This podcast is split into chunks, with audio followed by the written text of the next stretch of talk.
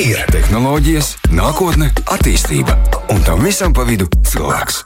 Aktuālākie zinātnīs jaunumi - rītdiena īsumā. Rītdien īsumā ir gaisā, un šoreiz attālināti gaisā. Es sveicināts Artur. Čau, čau, čau, Karmen! Ne, sen nebija izformāts, to es tev varu pateikt. Sen mēs neesam šādi satikušies. Jā, mēs kādu laiku neesam tādā veidā satikušies, un uh, šodien mēs attālināti, bet, um, bet tā ir tāda Par tēmu. Jā, par tēmu, un tēma būs tiešām interesanta. Un, uh, tas tēmas, kā tas, tas mums tas do, veids, ir dizaina domāšana inovācijām. Kas ir tas pirmais, kas nāk prātā, kad uh, pasaka dizaina domāšana? Kas ir tas, kas tev karmē ienāk prātā? Es zinu, ka man ir bijis eh, nedaudz tas jāapgūst, bet pavisam mazliet. Ah. Bet tikai mazliet, un es zinu apmēram, ko tas nozīmē, bet es nevaru izskaidrot vārdos. Līdz ar to tev ir liels iespēja, šīs dienas viesņai ir liels iespēja, jo es tā saprotu, ka skatīties uz to varbūt ne no kā es to varētu raksturot. Ne no visa racionālākās puses, bet pieiet radoši lietām, radoši Radoši. lietām, kurās iespējams ir pierasts nepieiet tik radoši. Jā, ļoti labs, labs komentārs par to visu. Jā, šodien mēs runāsim par dizaina domāšanu, jo tiešām laikam, pasaulē mainās, nāk dažādas uh, jaunas lietas, tehnoloģijas un jauni izgudrojumi. Un dizaina domāšana ir tas, par ko arī vairāk runā. Varbūt nepietiekami, bet tāpēc mēs šodien runāsim jau drusku vairāk. Šodien mums ir jā, viesņā Kitija Kuduma, kas ir Zinātnes un izglītības inovāciju centra vadītājs pienākumu izpildītājas. Sveiki, Kitija! Sveiki, Artur! Sveiki, Karmen! Jā, mēs te uh, sākām ar tādu mm, definēšanu vai izpratni, kas ir dizaina domāšana, jo kaut kur dzirdēts ir. Kaut kas varbūt ir nedaudz pieskārts, ir bijusi pieskaršanās un apgūšana, bet tas nav ļoti izplatīts tāds domāšanas raksturojošais veids. Kā, kā tu definēsi, varbūt pastāstīsi, kas ir šīs dizaina domāšana un dizaina domāšanas kaut kādi principi? Mm -hmm. Nu, pirmkārt, dizaina domāšana nav nekas jauns. Un man uzreiz gribas klausītājiem pateikt, ka iespējams neapzināti mēs katrs ikdienā kādu no dizaina domāšanas elementiem izmantojam. Bet nu, pamatā jāsaka, tā dizaina domāšana tas ir veids, es pat teiktu, dzīvesveids, kā risināt problēmas. Un parasti mēs problēmas asociējam gan ar kaut ko nu, tādu nepārāk pozitīvu. Līdz ar to man gribās teikt, ka dizaina domāšana ir veids, kā risināt izaicinājumus. Un tā dizaina domāšana, ja mēs tā akadēmiski un ļoti īsi uz to paskatāmies, sastāv no pieciem posmiem. Un tad, ja mēs ejam cauri šiem pieciem posmiem, tad mēs varam teikt, ka mēs ikdienā izmantojam šo dizaina domāšanu. Nu, zināk, mēs katrs tam pieskaramies. Um, jo īpaši laikam jau risinot kaut kādas problēmas, bet eh, tu varbūt var raksturot, um, kuros brīžos mēs tieši pielietojam šo dizaina domāšanas principu. Jo, nu, piemēram, ir kāds sarežģījums, kaut kāds izaicinājums, jā, kāda problēma. Piemēram, matemātiskā problēma. Tur es matemātiskā problēmā nu, sāku pielietot loģiku, kādu šādu struktūrēt. Vai diza- dizaina domāšana tajā visā man apzināti, neapzināti arī iesaistās, vai tas ir kaut kāds paralēls domāšanas veids, kas palīdz atrisināt no citas šķautnes? Nu, Vispirms, līdzīgi kā jebkura jā, problēma risinot, mēs mēģinām saprast, kas ir tā problēma un kam tā problēma ir aktuāla. Un ar to arī sākas tas dizaina domāšanas process, ja tie principi, tad, tad saprast, kas ir problēma un kam tā problēma ir svarīga. Un tad jau sākas teiksim, tas radošais posms, kad mēs mēģinām saprast, kā vienai problēmai atrast vairākus risinājumus. Man gribās uzsvērt, dizaina domāšana sākas tur, kur jūs varat atrast vairāk kā vienu risinājumu. Ja tā jūsu problēma ir tikai viens ā, risinājums, tad problēmas patiesībā nemaz neeksistē. Jā, nu, veidojot uzņēmumus, kaut kādas jaunas inovācijas, bieži vien nu, tas būtiskākais ir atrast kaut ko jaunu, jaunu šķautni, jaunu risinājumu, varbūt esošām problēmām. Un, uh, Kā, kā, ar ko varbūt šī dizaina domāšanas uh, princips atšķirās no citām pieejām, kā mēs mm, skatāmies uz šo te, nu, inovāciju, inovācijas veidošanu, kā mēs šo dizaina domāšanas principus tajā visā pielietojam? Kāds varbūt tas, tas, tas praktiskais solis tajā visā? Mm -hmm. Lai es tā kā sākotnēji teicu, ka nu, mēs pamatā ikdienā katrs apzināti vai mazāk apzināti izmantojam šo dizaina domāšanu, bet nu, dizaina domāšana visvērtīgāk ir pielietot tur, kur ir sarežģītas un teiksim, potenciāli mainīgas problēmas. Tāpēc mēs parasti ar, arī šo dizaina domāšanu saistām ar inovācijām, jo tas ir kaut kas nebijis. Mēs mēģinām atklāt kaut ko jaunu vai radīt kaut ko jaunu, un tad šī dizaina domāšana ir vis, nu, visefektīvākā. Vai to var sistematizēt un iemācīties kā nu, tādu kā priekšmetu, kā procesu, vai tam ir kaut kāds rakstura uh, lielumi, kaut kādas definīcijas, ko mēs iemācāmies un pieejot pie kaut kādas problēmas. Mēs zinām, struktūrēti, kas ir solis A, B, C un visi pēc kārtas, kas ir jādara, lai mēs iet. Vai arī tomēr tajā visā darbojās daudz kur radošums, un uh, katrs solis var būt mainīgs. No A mēs varam ielikt C, no C pēc tam uz B un visā procesā mainīties no sola uz soli. Jā, tieši ar to arī teiksim, dizaina domāšana atšķirās no tādas nu, tradicionālā veida, kā mēs kaut kādas problēmas risinām. Tad, tad mēs varam sākt ar um, teiksim, posmu A, pēc tam pāriet uz posmu C, tad aiziet atpakaļ uz posmu A un tā visu laiku lēkāt no šīs te, uh, problēmas nu, vai problēmas uh, risinājuma. Līdz ar to tas ir tāds ļoti, ļoti iteratīvs nu, teiksim, process, kas nemitīgi atkārtojas. Un, nu, vispār dizaina domāšanā ir forši, ja teiksim, tas, ko jūs izstrādājat, tas nav izstrādāts ar versiju numuru viens jo vairāk būs šo versiju, jo tas nozīmē, ka jūs būsiet daudz, iedziļ, daudz vairāk iedziļinājušies šajos posmos un ticami, ka tas rezultāts būs daudz vērtīgāks nekā tad, ja tā problēma būtu atrisināta ar versiju numur viens.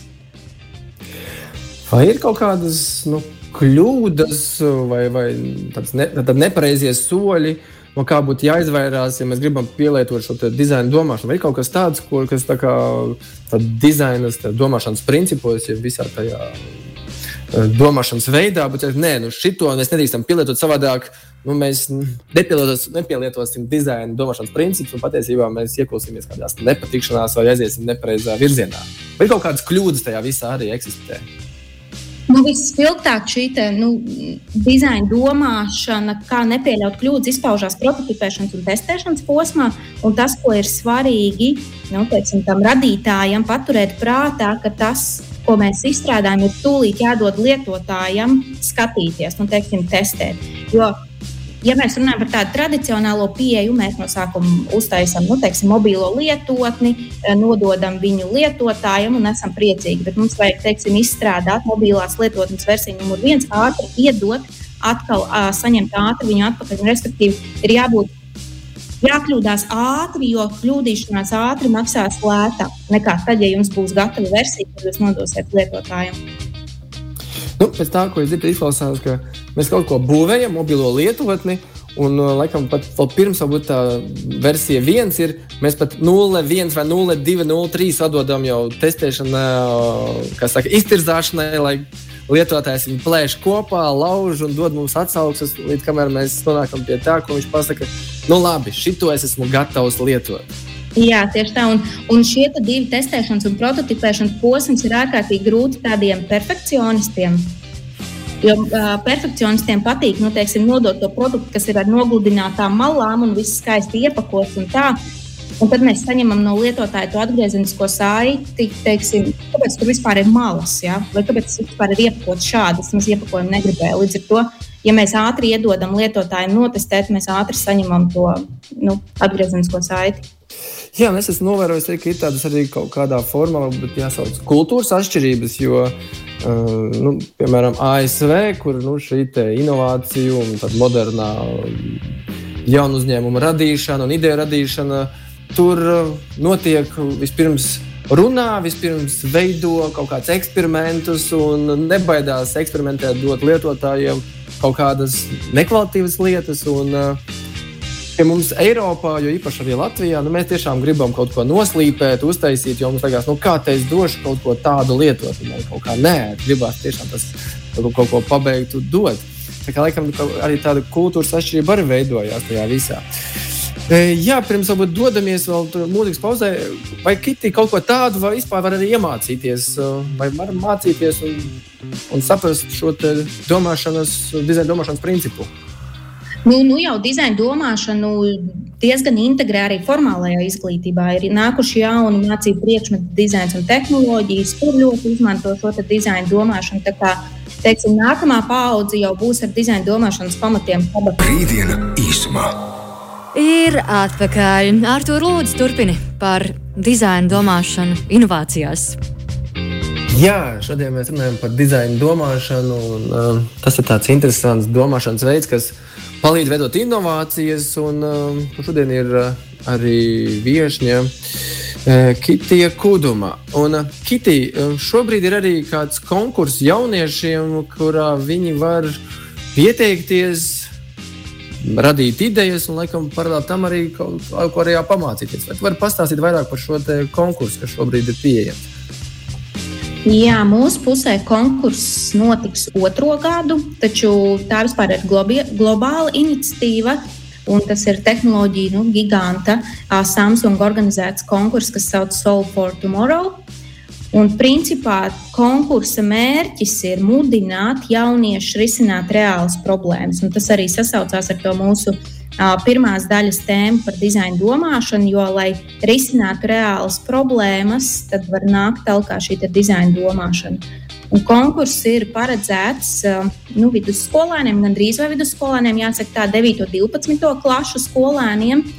Un, paredzēts ir teiksim, komandām no 3 līdz 5 cilvēkiem, Jo domājot arī par to komplicētību, cik sarežģīti ir iziet uh, cauri visiem šiem dizaina domāšanas procesiem, nu, tad tur vienam pašam tikt galā vai pat diviem varētu būt uh, nu, diezgan izaicinoši. Līdz ar to lielākas komandas varētu nest arī labākus darba augļus uh, šajā konkursā. Ir? Vai te konkursam jāpiesakās ar kādu savu ideju vai arī konkursa tajā visā procesa laikā ir kaut kas jādarbojas komandā un jāizstrādā.